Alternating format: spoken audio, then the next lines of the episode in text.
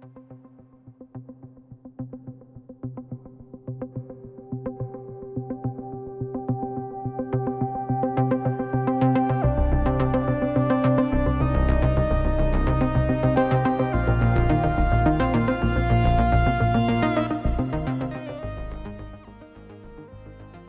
Hej och välkomna till Kortklippt, en liten podd om syntar och allt ja, mellan himmel och jord egentligen kan man säga.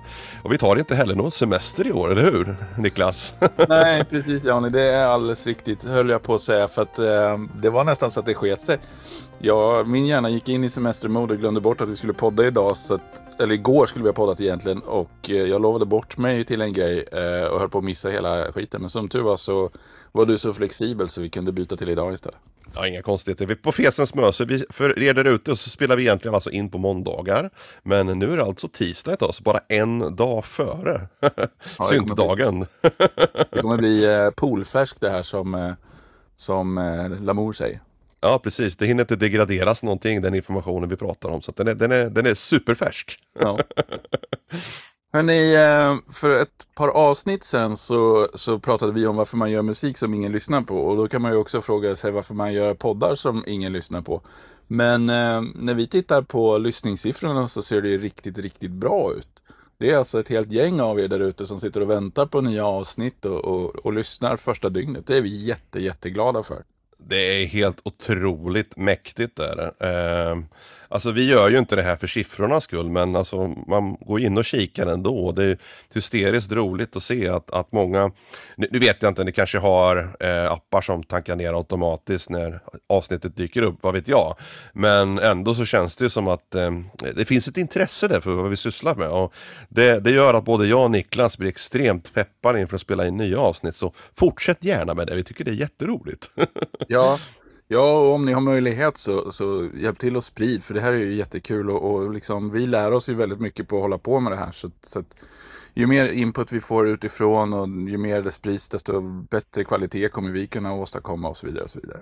Absolut. Men som en eh, spin-off på det då så var jag på Covenant, eller Covenant kanske man säger, i Linköping för några veckor sedan eh, och, och stod i vimlet bland allt folk och insåg att där måste det ju finnas någon som har hört talas om Svensk hushållssynt och kortklippt och kanske till och med lyssnar regelbundet. Och då tänkte jag på att det hade varit kul att prata med dem. Men det är väl ingen som vet hur jag ser ut. Så eh, min tanke var att man kanske skulle trycka upp lite t-shirtar där det står Svensk hushållssynt och kortklippt och lite olika slogans vi kan komma på. Eh, så därför tänkte jag slänga ut en fråga här nu till er som lyssnar. Om det är någon som är lite sugen på att ha merch. Eh, t-shirt, keps, vad det nu kan vara. Eh, och vad det i så fall ska stå på den. Precis. Alltså vi har väl tänkt, jag har gjort några designs, sådana fuldesigner som jag kallar det för. Vi skulle kunna slänga upp lite exempel på Discorden så får ni titta på dem och se vad ni tycker. Och då kan ni säga bu eller bä. Eh, alltså eh, själva idén är att det ska vara någonting som är roligt och, och dela med sig som vi gör till självkostnadspris. Då, så vi är inte intresserade av att tjäna en massa pengar på det här och, och så utan det är mer liksom att ja, eh, man delar med sig av gemenskapen så kanske man kan skylta med att, eh, att det är vi som är kortklippt och att ni lyssnar också. Vad vet jag, så får man lite, lite community feeling där så att säga. Så att, eh, men ja, ni får väl fundera lite grann på det och säga vad ni själva tycker. Men vi har lagt ut och rullat ut bollen där till er så får ni säga vad ni, vad ni gillar om idén. Precis, och sen är tanken att vi gör eh, sådana här limited runs då, så att den, vi, vi tar in förbeställningar och så gör vi ett varv och, och sen nästa gång vi gör så blir det någon annan. Och man får liksom vara med om man vill vara med. Precis, och t-shirtarna kommer såklart vara skitsnygga. ja, och hög kvalitet och så vidare. Och så vidare. Absolut, absolut. Ja, men nog om det. Alltså, men ska vi snacka lite synt idag eller? Vi har ju snackat om så många mjuka saker på sistone. Du har ju en hel del nya roliga grejer på gång ut musikaliskt vet jag. Som inne, innefattar en hel del syntetiska apparater. Är det ja, inte så men, Niklas? Ja, så är det. Vad heter det? Alldeles i dagarna här så kom en samling ut som heter Northern Industrial som eh, bland annat Peter Josefsson från Blomonda ligger bakom. Då. Där de har samlat ett gäng Stockholmsartister och släppt på en gratis dubbel-CD eh, i eh, ett visst antal ex. Kommer inte ihåg, det var inte jättemånga. Så vill man ha ett så får man vara lite på hugget där. Eh, och jag är lite osäker på hur man gör om man inte befinner sig i Stockholm. För där fanns den upplagd i någon affär tror jag. Man kan nog höra av sig till Peter Josefsson och, och eh, få hugg på dem där. Eh, och jag har alltså varit med och mastrat den skivan och byggt själva CD-projektet. Det som man skickar till fabriken för att eh, de ska veta hur de ska bränna skivan eller pressa själva CDn då. Mm. Och eh, det är mycket tack vare dig Jonny som jag fick eh, de verktygen som jag behöver. Eller rättare sagt, jag köpte dem ju, men du tipsade om dem och då visade mig också hur man ska göra. Eh, så det är jag jättetacksam för och det har varit jättekul att jobba med de här låtarna. Det, det är jätteroligt. Alltså det, vi kan, kanske kan nämna det lite kort. Alltså när man i vanliga fall när man gör mastering, typ ljud, eh, audiomastering. Det är det de, de flesta tänker på att det är det man gör. Det vill säga fixar nivåerna, limiters och kompressors och EQ och sånt där. Men så har du den mekaniska biten också när, eh, inte mekaniska utan, utan den eh, CD-tekniska, alltså Redbooks som standarden kallas. Det är den biten där man ska liksom bygga själva imagen av, av de här WAV-filerna då som man sedan lägger på CDn. Talar om vad det ska vara för, alltså mellan mellanrummen av låtarna, eh, om det ska vara någon CD-textinformation, om det ska vara sådana här eh, ISRC-koder och så vidare och så vidare. Och så ska det levereras då ett speciellt format i tryckeriet så att de kan verifiera då med checksums och sånt där att allting är gjort rätt. Så de kan pressa den och vara säkra på att de får en exakt 1 1 kopia på det som man har skickat då. Eh, så att det är det som egentligen är den större delen av, eh, av CD-masteringen skulle jag vilja säga, den viktigaste delen. För att gör man fel där så kan det bli riktigt, riktigt dåligt. Mm. Eh, jag har ett skräckexempel faktiskt. Jag släppte en eh, Maschinen Zimmer LMZ412-platta i Nomine de Nostris Satanas Lucifer Chelsea som den hette. Eh, det gjorde vi en run först där Redbook eh, masteringen var gjort på ett felaktigt sätt.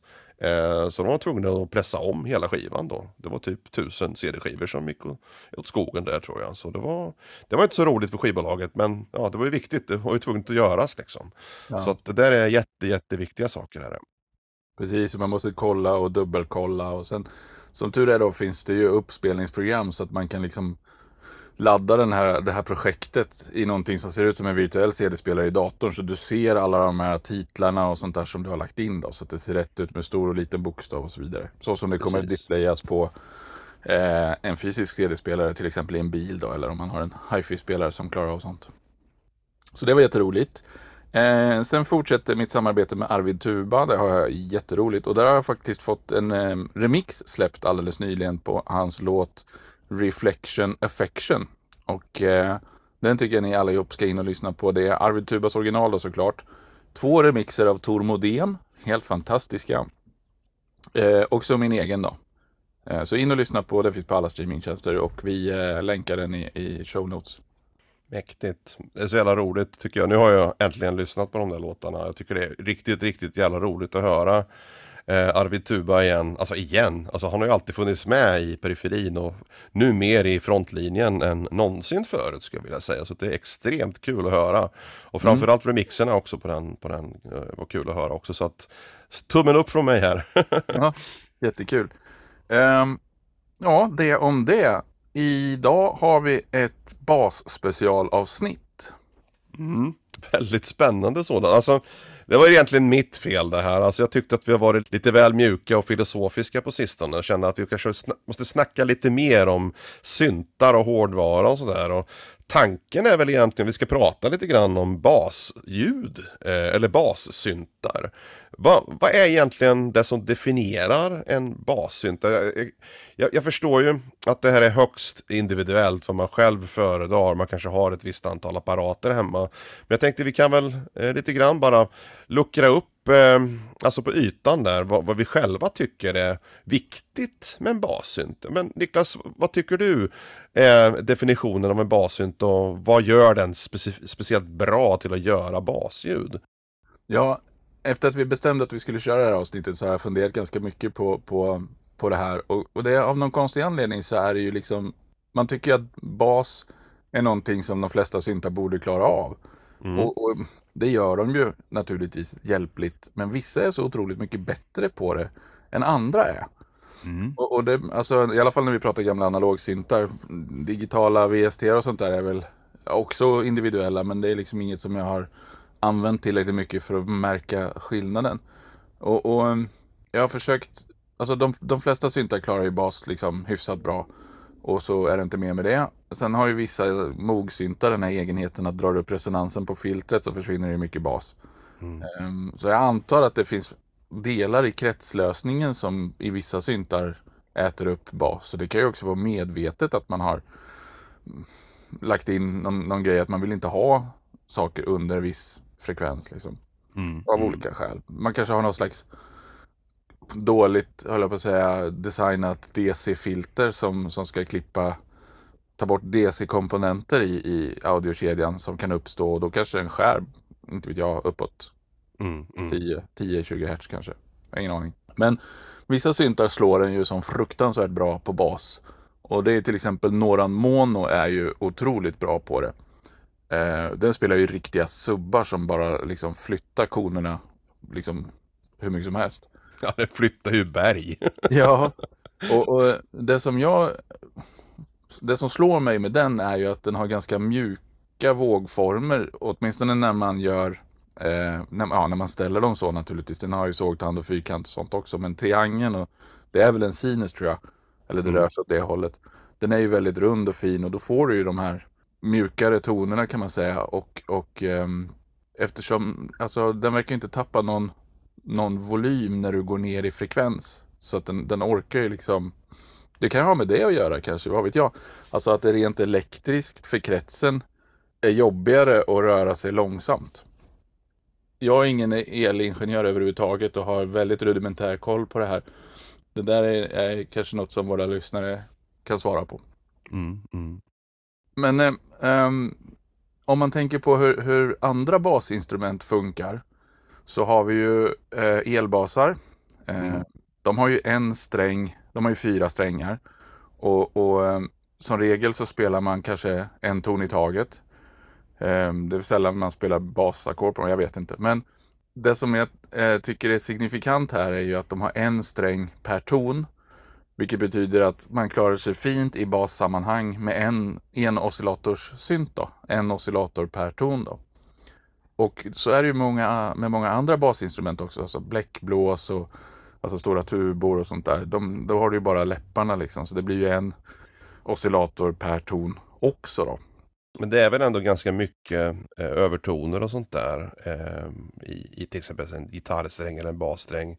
Så att det är ju inte en ren sinus man hör utan det är ju som, inte additiv syntes är kanske fel att säga, men det är liksom en hel del övertoner som svänger så skulle du bara plocka ut den enkla sinustonen eh, ur en basgitarr som säkert finns där också så skulle den troligtvis låta mycket, mycket tråkigare. Så det är liksom en kombination av resonansen, kroppen och strängens komposition och hur den vibrerar som skapar det slutgiltiga ljudet. Så att någon form av eh, additiv syntes tror jag är viktig. Det, det vet inte jag om jag är ute och cyklar när jag säger additiv syntes men just de här övertonerna då, eh, klanginformationen som, som skapar själva elbasljudet är extremt viktig för att den ska låta mysigt tycker jag. Ja, det är det definitivt. Eh, men jag tänker att som sagt, det är ju bara en sträng per ton istället för så två oscillatorer. Har du två oscillatorer kan du få problem med utsläckning och, och svängning om de fasar ihop sig och grejer. Så, så Mm. att för att få en solid och, och pålitlig bas så kan det nog vara bra att nöja sig med, med en oscillator, men kanske om den har en sub också då. Precis. Men ska man göra sub-sub så håller jag med dig till 100% man ska göra en sån här avgrundsbas som vibrerar och mullrar omkring. Då är det väldigt bra att bara ha en enkel, ren och okomplicerad. Men ska man ha liksom attackbas eller straffbas som Leif brukar säga i på P-fabrik. Eh, då är det väldigt viktigt att ha eh, mycket övertoner och mycket liksom extra klanginformation för att det ska låta rikt och intressant. Ja, så är det ju. Och det kan man antingen skapa med eh, en oscillator som helt enkelt har det, alltså en, en, en komplicerad vågform, typ en sågtand eller, eller pulsvåg eller vad det nu kan vara. Men man kan ju också ha en, en rund vågform först som man distar lite lätt efteråt. Mm, mm, mm, precis, precis. Lite olika. Men eh, du har eh, spelat in några exempel på, på basar som du gillar. Ja, alltså jag gick ju och tänkte på det där ganska länge. Eh, alltså jag, jag gillar ju att göra EBM-basljud. Eh, eh, även om jag kanske inte gör EBM-musik längre per se på det sättet som jag gjorde för, för typ ja, på 90-talet och eh, början på 20-talet. Eh, eller 2000 säger man nu för tiden. Eh, så gillar jag ändå konceptet för det går att skapa liksom eh, väldigt intressanta ljud som man kanske kan använda utanför den EBM-sfären. Eh, och jag har spelat in ljud med två stycken maskiner. Eh, jag har min Mog Matriarch där jag gjort en lite mer sluggish bas eh, som jag tycker är extremt intressant. Eh, jag tänkte vi kanske kan ta och lyssna på den. Alltså själva grejen med det här ljudet är ju Jag har använt alla fyra VCOer i den. Eh, och mitt Konceptet är egentligen att ha först ha en stabil lågbas som är ensam. En ren oscillator. Eh, I det här fallet, jag tror det var tror det var fyrkant jag använde, jag minns inte, jag tror det var fyrkant. Och sen så har jag, eh, de var på 8 fot och sen på 16 fot, nej förlåt, eh, nu pratar jag nattmössan. Ja, 4 eller 8 fot, den lägsta i alla fall, så ett 4 fot då hade jag eh, eh, fyrkanten och sen på på 8 fot hade jag trekanten, alltså sågtanden. Och de sågtandsoscillatorerna eh, är två stycken, de är ställda exakt likadant fast lite lätt snedstämda.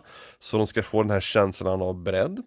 Och sen så har vi även då den fjärde oscillatorn som går helt själv. Eh, går synkad.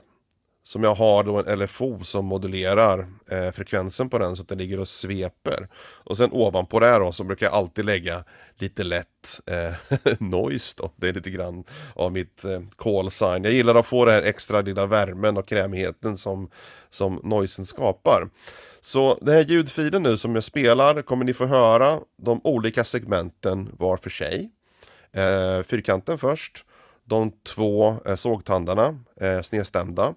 Sen kommer ni höra den synkade och sen även noiset. Och sen så lägger jag ihop allting i ett paket. Lägger på ett ljud åt gången på varann. Och i slutet så öppnar jag även upp filtret lite grann så ni ska få höra skillnaden då mellan exempelvis en, en vers eh, position och så drar man på filtret lite grann kanske i refrängen för att öppna upp det och få lite argare och elakare. Ja, så här låter det i alla fall.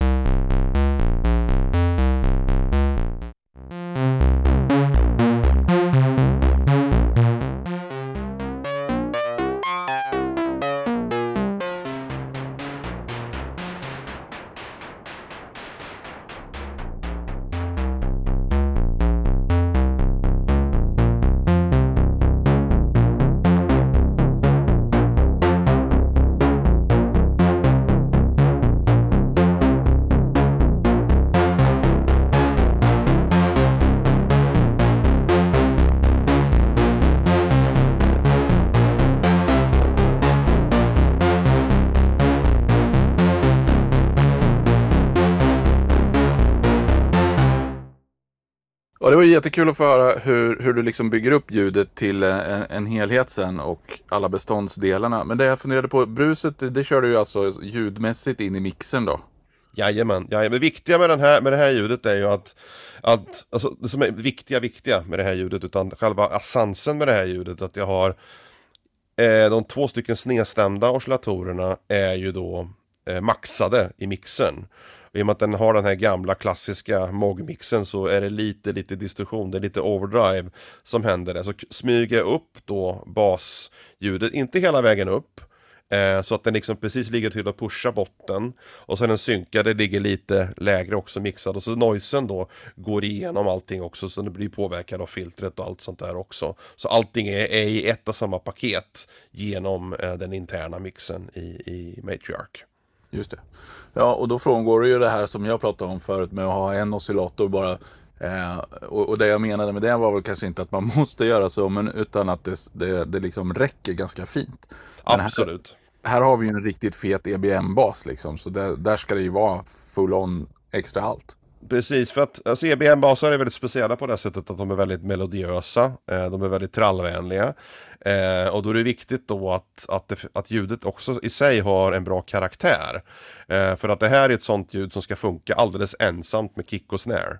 Eh, det ska funka bra med bara de komponenterna liksom. Eh, och då behöver man egentligen inte ha så mycket mer än lite skriksång och lite skrotljud och lite små grejer liksom för att skapa den slutgiltiga låten. Och det som jag tycker är intressant med Moog Matriarch, den är väldigt sluggish. Eh, den är inte lika, den har inte sådär supersnabba enveloper. Har den inte, i alla fall inte min. Och det är en av de grejerna som egentligen jag tycker är väldigt viktigt med bassyntar, att den har snabba enveloper, att det klickar och det är stenhård attack. Eh, så därför vill jag använda Mog Matriarch som inte har det för att påvisa att man kan även göra lite mer så här DAF-slöa, lite så här, du vet att den lite fylle, fyllebasar liksom så. Att de ligger och svävar och mullrar så det har en hel del karaktär det här ljudet. Eh, om man jämför då med nästa ljudexempel som jag har med mig i, i baslådan. man har ljud med sig i baslådan, ja men det är bra. Ja, vad, vad kan du berätta om det då? Ja, alltså jag vill ju använda en digital synt, en VSD. Vill jag göra för mitt nästa exempel. Och det är ju UHEs eh, Pro One eh, VSD som de har gjort som är en, en exceptionellt bra eh, replikering på original Pro 1 tycker jag. Eh, man kan välja liksom filter att de ska bete sig på ett speciellt sätt, att det ska specifikt vara filtret från P1, att man kan välja även VCA, att de ska ha lite drive i sig och sådär. På det sättet kan man skapa en hel, en ganska autentisk analogsynt karaktär skulle jag vilja säga. Och eh, det här ljudet har jag då gjort med flera komponenter. Eh, jag har gjort eh, du jag har splittat då, jag har en synt, eh, ett ljud i vänster kanal, ett ljud i höger kanal, de är, de är typ spridda kanske 35-45 eller någonting höger-vänster. Eh, från UHE eh, Pro 1 Och jag har även skurit då med ett högpassfilter, tagit bort egentligen all information under 100 eller 150 till och med. Och sen har jag lagt då en snedstämd eh, Korgs Polysix bas faktiskt. Eh, som jag detunat lite grann och använt den här analog ratten som man kan skruva på så att oscillatorerna beter sig väldigt oregelbundet och, och analogt och gammeldags. Och den använder jag som grundstomme då, som bottenbas kan man säga. Och så låter jag då eh, UHE-synten sköta vänster och höger ljud eh, för det här spretiga, riktigt trasiga ljudet. Och sen så sköter Polysix-basen då den här stabila mitt botten. Och då åstadkommer jag lite grann det du snackade om i början, att man ska ha en stabil botten och en stabil grund. Så kan man tillåta de spretiga syntarna och göra liksom eh, alltså den färgade delen, alltså den färgrika, starka delen i ljudet istället för att ha ett hela spektrat, för att jag använder mycket filtermodulation och, och sådana där saker och det blir väldigt grumligt och bumligt och väldigt svårkontrollerat i de låga frekvenserna när man håller på med sådana saker i provettan. Så det är därför att låta en, eh, det är bra att låta en annan synt hantera de lägre frekvenserna. Och här har jag då även gjort samma sak. Jag spelar vänstra kanal tror jag först, höger kanal sen. Och sen P6an och sen lägger jag ihop alla de syntarna då i, ja, i en och samma strof då egentligen. Och jag tror jag även att jag höjer filtret lite, lite, lite grann mot slutet bara för att höra vad som händer eventuellt i en refräng. Och så, så här kan det låta.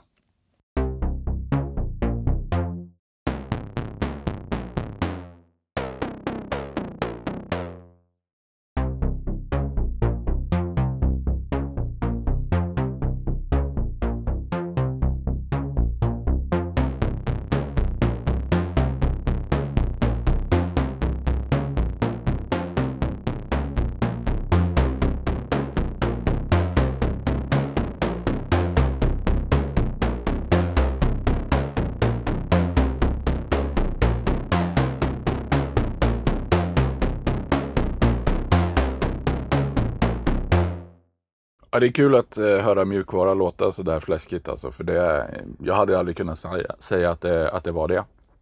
Alltså det som är så kul, alltså måste poängtera då, det är ingen som helst limiter, ingen kompressor, inga andra effekter, ingen EQ. Utan både Mogmate Shark är direkt rakt in i min, min dator på två kanaler.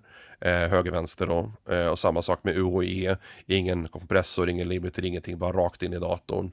Eh, så att man kan ju göra en hel del ljuddesign då efter det här om man vill också för att anpassa eh, eh, de här ljuden till sin egen mix.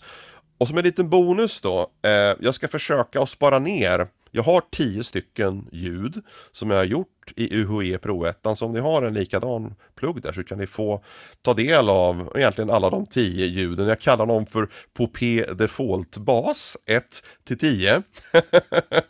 ja, de är av eh, ja, olika karaktär och kvalitet. Men om jag lyckas spara ner dem i någon form av plugin-variant där och så delar jag den på discorden sen. Men jag lägger en liten disclaimer där utifrån inte jag lyckas med det. mm. Men, men jag reagerar på två saker här som, som jag tycker är intressanta och viktiga att ta upp. Bland, bland annat det här att du säger att du, du kapar eh, lågbasen i, i de spretiga syntarna med ett högpassfilter. Det där tror jag är ruggigt nyttigt och jag har hållit på att leka med och dubbla olika syntar i olika basljud och sånt där och, och jag upplever just att de börjar bråka med varandra och man tappar botten ibland och det blir liksom det man tror ska bli väldigt fylligt och fett blir det på toppen men sen får man massa så här fasproblem och interferenser och grejer i botten. Och sen när man försöker, det har jag också råkat ut för, en vanlig sak man gör när man mastrar är att man gör låga frekvenser mono. Mm. Och det går ju att göra på olika sätt. Eh, och, och, det finns olika pluggar för det och sådär. Och, sen, och man får göra olika mycket. Men i många av de här fallen där jag har provat att spela in saker och jag tyckte det har låtit riktigt bra. Då när man gör det mono sen så funkar det inte alls. Utan det liksom mm klicka bort. Så då är det nog bra, som du säger, att man lägger en synt i botten som får sköta det.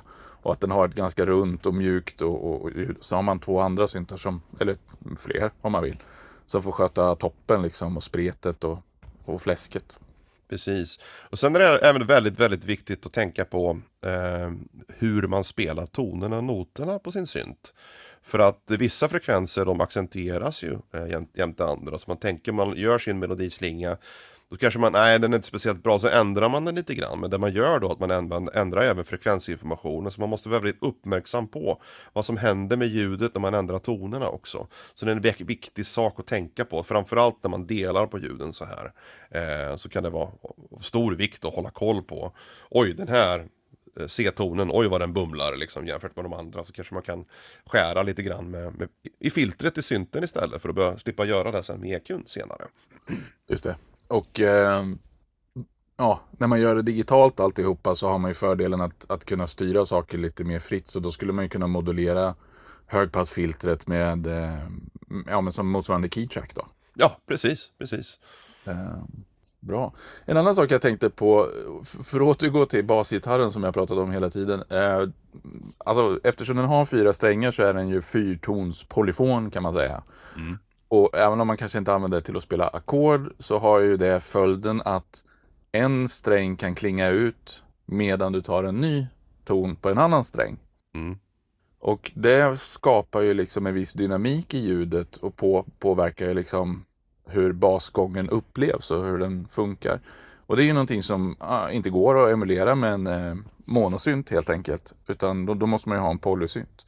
Är det någonting som du brukar liksom tänka på eller, eller har du upplevt någon skillnad så eller? Jag är väldigt försiktig med att använda polyfoniska basljud just av den anledningen. När de klingar över varandra så kan de lätt bråka frekvensmässigt. Så jag förstår charmen i eh, eh en, e, en elbas. Eh, som Victor Woten, han släppar ju mycket, han spelar mycket ackord och sånt där. Och då blir det ju mer av ett melodispel istället för ett basspel mellan varven. Och då är det väldigt viktigt att ha den här polyfoniska liksom, efterklangerna. Men då går, han går ju alltid tillbaka till grundtonen och spelar liksom grundtonerna. Och det är lite grann det jag tror som är vikten eh, när man programmerar en bassynt. Alltså, så känner jag själv, nu ska jag inte måla folk på näsan då, men jag känner liksom att det blir för mycket bråk och stök om det, om alltså syntljuden tillåts klinga över varann.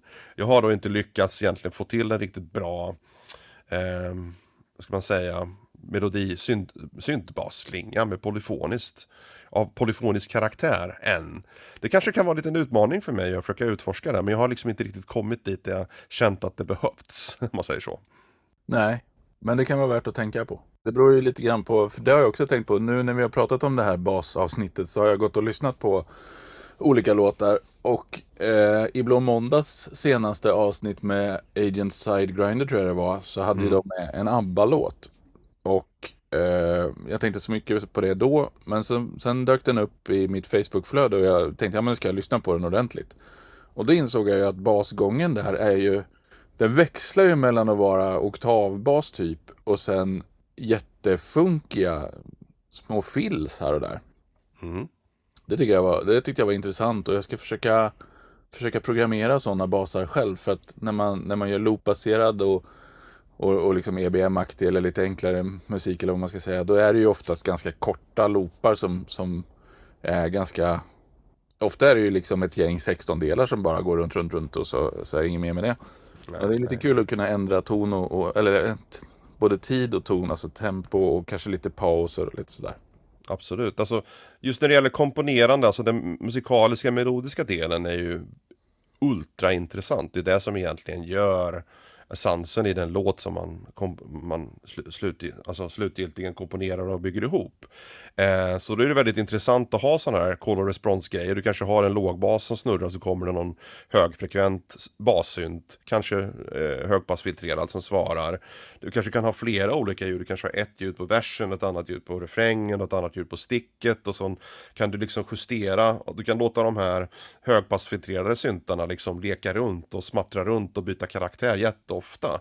Men att du bibehåller liksom grundplåten hela tiden genom låten. På det sättet så kan du kontrollera din mix och samtidigt bygga en extremt färgrik och intressant låt genom att använda de här top eh, layers i, i själva baskomponerandet då.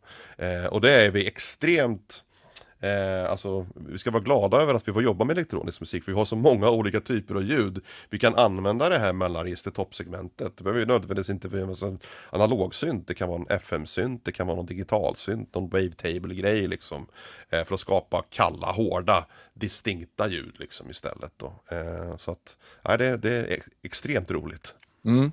Ja, och och oavsett vad man använder, hårda eller mjuka eller vad syntar, så är ju principerna som vi har pratat om ganska allmängiltiga här. Liksom. Bra, eh, då var vi klara med dina eh, experiment, eller på att säga, med dina ljudexempel. Och jag har ju också spelat in ett gäng. Eh, och jag har tagit en lite annan approach. För jag har, jag har liksom gått igenom eh, skapandet av ett basljud bara från, från scratch till mål. Och eh, jag kände väl lite någonstans att, att det här är liksom, det här har väl alla redan gjort tusen gånger. Men jag tänker det kan vara kul ändå. Liksom, vad, vad har jag gjort? Hur har jag tänkt? Eh, varför låter det som det gör och så vidare. Men jag måste börja fråga först, vad är det för synt? jag Ja, ja, glömde jag fråga. det. Nej, jag glömde fråga det. Ja, det här är eh, Moogs eh, Sub 37. Ah, just det, det sa du ja. Mitt Mm. fel. Right, alright, såklart. Och jag tycker att det är en synt som inte pratas tillräckligt mycket om. Jag tycker att det är en jäkligt fin maskin. Den låter bra, den har lite oväntade coola features och eh, inbyggd sequencer, den har eh, massa modulationsmöjligheter och så vidare. Den, den, den är riktigt vass. Har du sequensat, ursäkta jag ställa en massa frågor i början, i början. Kanske, har du sequensat den i den inbyggda sequensen? För det ligger en sån där glitch glide grej nästan. Okej, okej, okej. Jag, eh, jag tycker jättemycket om att bara stå och banka in eh, sekvenser i den. Mm. Och eh, jag tycker det är lika roligt att eh, ha ojämnt antal steg. Så jag tror det här är en 24 stegs sekvens faktiskt. Så jävla gött. Ja, och sen eh, om man väljer tonerna med lite omsorg eller, eller snarast man håller sig till ganska få toner, då brukar det gå ganska lätt att transponera den också. Och det funkar på den här slingan då, så, att- så att jag brukar trans- ja, gå mellan C och F, så då höjer man väl, vad blir det, en, en kvint? Ja, något sånt. Ja, det där är jag för dålig på. Ja, jag, jag med. Ja, bra, men vi kör mitt första exempel.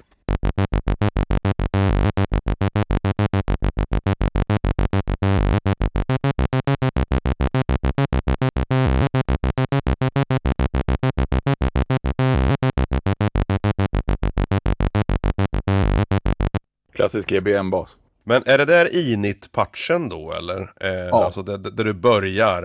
Eh, för det låter väldigt syra gör det. Jag hade aldrig kunnat gissat på sub 37 faktiskt. Nej, och det är ren sågtand, öppet filter, ingenting liksom. Det är bara, bara liksom in i patchen och så har jag bankat in de där tonerna. Och sen har den ju liksom att om man överlappar då blir det ju det här glidet då. Eh, så att jag har ställt in så att den är legato när den överlappar då. Mm, mm. Eh, och det tycker jag är en så här asskön feature. Och det är väl lite, det är kanske lite det som gör att det blir syra. Ja, det känns väldigt syra. Jag hade aldrig kunnat gissat på sub 37. Faktiskt, aldrig. Ja. Skitcoolt ju. Fan vad coolt. Ja. Eh, som sagt, det där är en oscillator, sågtand, öppet filter, inga konstigheter. Men det är inte särskilt låga toner. Det är ju liksom, och det är ju halvoktav basigt. Eh, så att den har ju en suboscillator, så den lägger jag på i nästa exempel. Då låter det så här.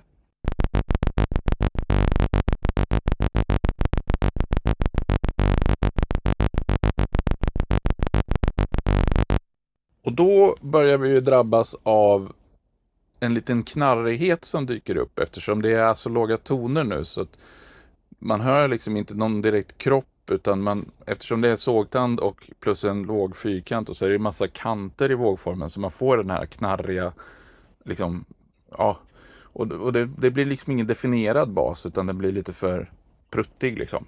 Jag tycker det är gott när det knorrar i och för sig, men okej. Okay. ja, men det är lite kan det få knorra, men man måste ju ha någon, något fundament också. Mm.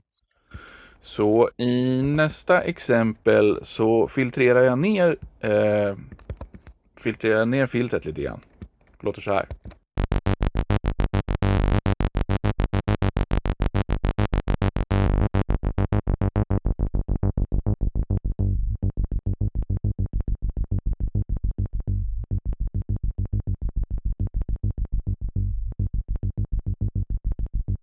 Och då blir det ju genast mjukare. Du får lite mera substans, liksom fyllighet i, i de liksom mörkare tonerna. Men det, det, finns fortfarande kvar ett klick. Och det beror ju på att nu är vågformen så lång så releasen när tonen slutar kan klippa liksom mitt i vågformen och då får du en kant där i alla fall. Mm. Och likadant attacken. Eh, den kan ju liksom bara starta mitt i en vågform och så får du liksom en vass kant där också. Därför klickar det lite grann. Nu kan eh, Sub 37ans oscillatorer starta om vid varje ny ton. Det finns en knapp för det, eh, vilket är väldigt användbart. Dels vid basar då, och dels vid eh, om man ska göra till exempel trumljud, en kick eller något sånt där. Så det är jättebra mm. att liksom, oscillatorn alltid börjar likadant. Eh, men Um, jag, har, jag slog på av den funktionen lite grann och, och uh, jag tyckte inte det gav så stor skillnad.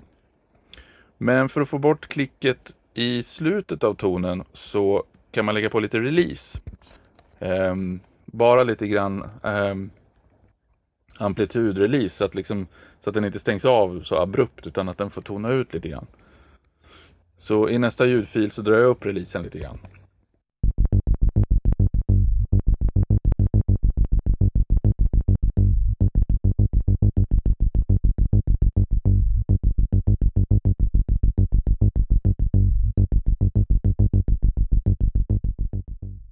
Alltså jag tycker det är så jävla gött när det klickar ändå ja. det, där, det där är ju någonting som jag går igång på för jag gillar att den är den är random, den kommer inte på samma ställen och den klickar, man hör att det är en riktig analogsynt, det är någonting som händer. Eh, Du vet om det är väldigt snabba envelope eller om det är liksom frekvenserna som bråkar. Det skapar en dynamik och, och gör att ljudet lever. Så att jag gillar att det klickar, kanske inte hela tiden och typ överallt men att det kommer fram lite då och då Det, det skapar en, den här myskaraktären. Ja, men nu när klicken försvann lite grann, tycker du fortfarande att det, eller saknar du dem eller vill du liksom? Nej, alltså jag tycker att det var bra på slutet. Det var mycket bättre på slutet. I början var det för mycket, förra ljudfilen var på tok för mycket. Men den här var väldigt balanserad, bra känsla på det. Så att eh, jag skulle mm. nästan säga att den är klar där, men du har, du har lite mer att bjuda på va? Precis, jag har tre till. Um, för Alltså de här klickorna då, de, de, mycket av dem försvinner, de som ligger i början försvinner ju ofta i en, i en mix också. Då har du ju oftast trummor och andra grejer som ligger där och döljer det där, så du hör inte det i alla fall. Men nu, nu är den ju liksom lite mjuk och gosig och rund och varm. Och, och ja, så som du gjorde förut när du la på högre syntar för att spreta lite grann och lägga på lite fetma. Det kan man ju göra i, eh, i en vanlig synt också med bara liksom de faciliteter som finns i den. Och eh, eh, Sub 37 har ju en slags vågformsmodulation, inte vanlig PWM bara, utan den går ifrån triangel via sågtand till fyrkant och puls. Va? Mm. Tror jag. Mm. Så då la jag på lite sån modulation och fick eh, det här.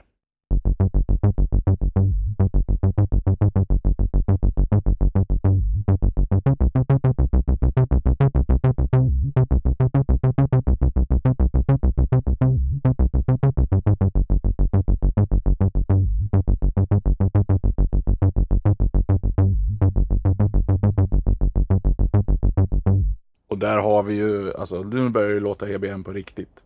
Ja, typ snudd på FM-bas skulle jag vilja säga. Ja, nästan. Kanske det. Och så har jag ju liksom lagt på lite envelop då och eh, väldigt, snabbt envelop och eh, lite keytrack på filtret också så att de höga tonerna öppnas lite mer och blir lite mer aggressiva. Mm. Eh, det gillar jag.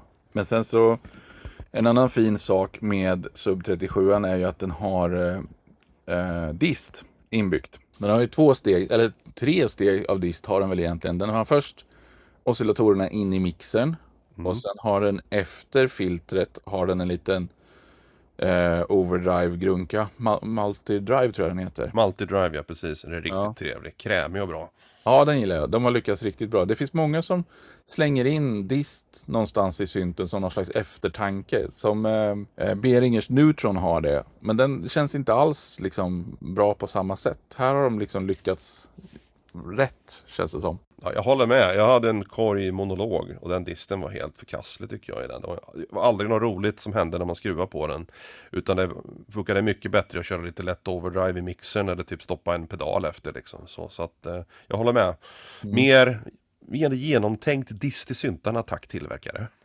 Ja, precis. Det är en önskan från Kortklipp. Precis. Då låter det så här i alla fall.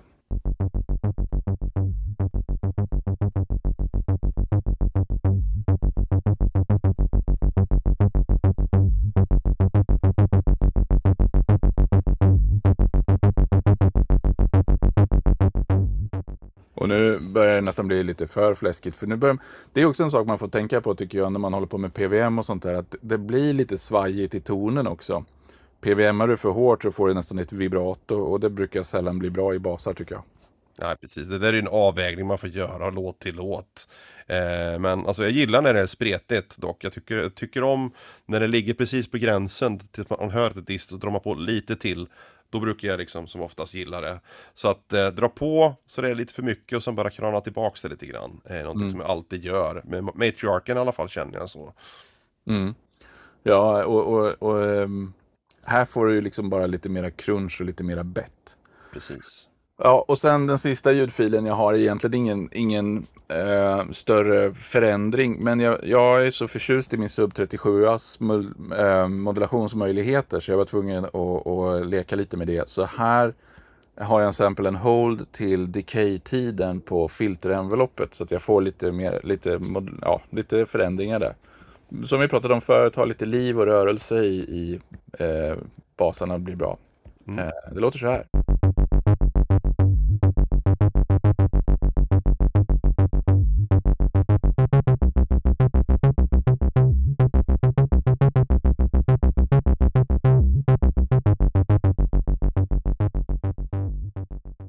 Alltså, jag tycker fortfarande det låter väldigt mycket syra om det där. Jag tycker det är fantastiskt. Alltså jag har en sub-oscillator i min eh, Avalon Baseline.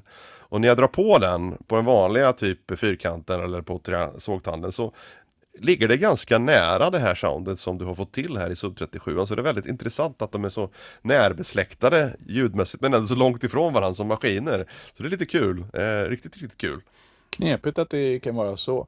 Eh, och en annan favoritmaskin jag har är ju Micro Mogen som har en jättesnygg eh, eh, sub-oscillator som kan gå en oktav under och två oktaver under. Så den gillar jag också väldigt mycket. Mm, mm. Fan vad nice, ja, men det är ju skitkul ju. Alltså, jag älskar ju bassyntar, jag älskar att göra basljud och det är egentligen det fundamentet som är det viktigaste egentligen i all den musik jag gör, är ju basljudet. Eh, så jag tycker det är extremt roligt att, att snacka om det. Eh, någonting som jag själv känner, vad ska man säga, eh, vi, vi pratar om vad som är viktigt med bassyntar, typ snabba enveloper, det ska finnas möjlighet till lite distorsion, lite overdrive. Så även filtret är extremt viktigt såklart, vilken typ av filter man har. Eh, och just, vi snackar om filter du nämnde tidigare, de drar upp resonansen och så försvinner basen. Jag är inte så själv så stort fan av blöta resonansaktiga basljud. Eh, det är liksom någonting som jag själv inte tycker funkar speciellt bra i min musik av många anledningar så att jag är aldrig där och pillar så mycket. Men eh, jag känner ändå att om man ska göra lite blötare ljud så är det ju bra att använda samma koncept. att man kanske har en stabil monofonisk bassynt, subsynt och så har man det blöta ljudet som en, som en topline, som en eh, högpassfiltrerad grej. Då slipper man det här tappet liksom som händer på många syntar när man drar upp resonansen. Så det kan vara ett tips att tänka på också. Just det. Ja, nej, men det var ju smart. Och jag tycker själv inte heller så jättemycket om resonanta basar. Det, det funkar i andra typer av... Spelar man bas på andra sätt än så som jag brukar programmera den. Men det här var ju väldigt tydliga staccatotoner, liksom korta. Det var ju bara något. Ja, det här är lite längre då. Legato-köret. Men, men kör man mer legato-grejer, kanske kortare fraser med längre mellanrum och lite högre toner och sånt där. Då är resonans, då kan det vara snyggt. Mm. Yes, yes. Hörni, vi är på övertid faktiskt, så jag får försöka klippa ner det här avsnittet ganska hårt och se ifall vi kommer ner till vårt namn kortklippt. Precis. Ja, men det är fortfarande väldigt intressant ämne. Eh, det ligger oss väldigt varmt i hjärtat, tror jag ni har förstått, att gilla bassyntar och basmaskiner. Så att eh, om ni på Discorden har eh, idéer själva om vilka syntar ni föredrar att göra basljud på så droppa gärna liksom lite exempel eh, på ljud som ni har gjort eller syntar som ni gillar. Eh, för att alltså, det är ett väldigt kort avsnitt det här, vi har inte möjlighet att täcka alla liksom eh, aspekter av basljud. Vi har säkert missat massor, men tipsa oss gärna om mer grejer och tips också. Absolut, in i Discorden och prata och eh, ja, på återhörande nästa semestervecka då. Precis ja, och hörni ni, glöm inte spela bassynt. Nej, precis. Hej då, hej då. Hej då.